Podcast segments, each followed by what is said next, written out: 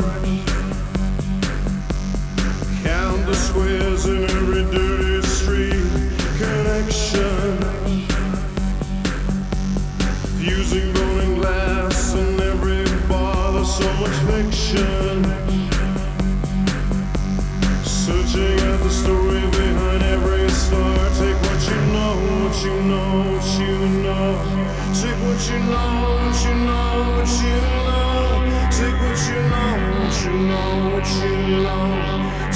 belongs.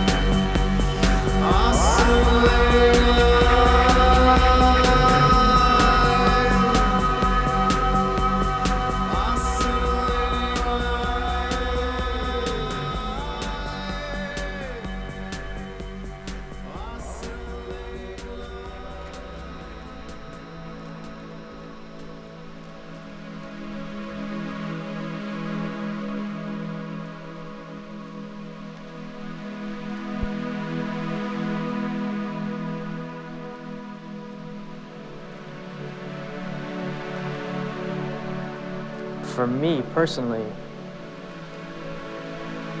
uh, when approaching the role, it, it's sort of hard to figure out because there's so many things that he gets hit with. In the simplest terms, like in more, most abstract terms, I could say it's a, it's a journey. Like it's just a journey about discovering. And the irony of the whole thing is that, like, hopefully by the end, and they have to go back and they have to watch it again. They have to watch it again. But um, it's just it's just like this ridiculous, fantastic, completely absurd mixture of humor, sadness, madness, like it forces you, if it does force you at all, to come to your own conclusion about what it's about. It's like an individual experience for everyone. It's not about one thing. No one can really come to any finite or like objective.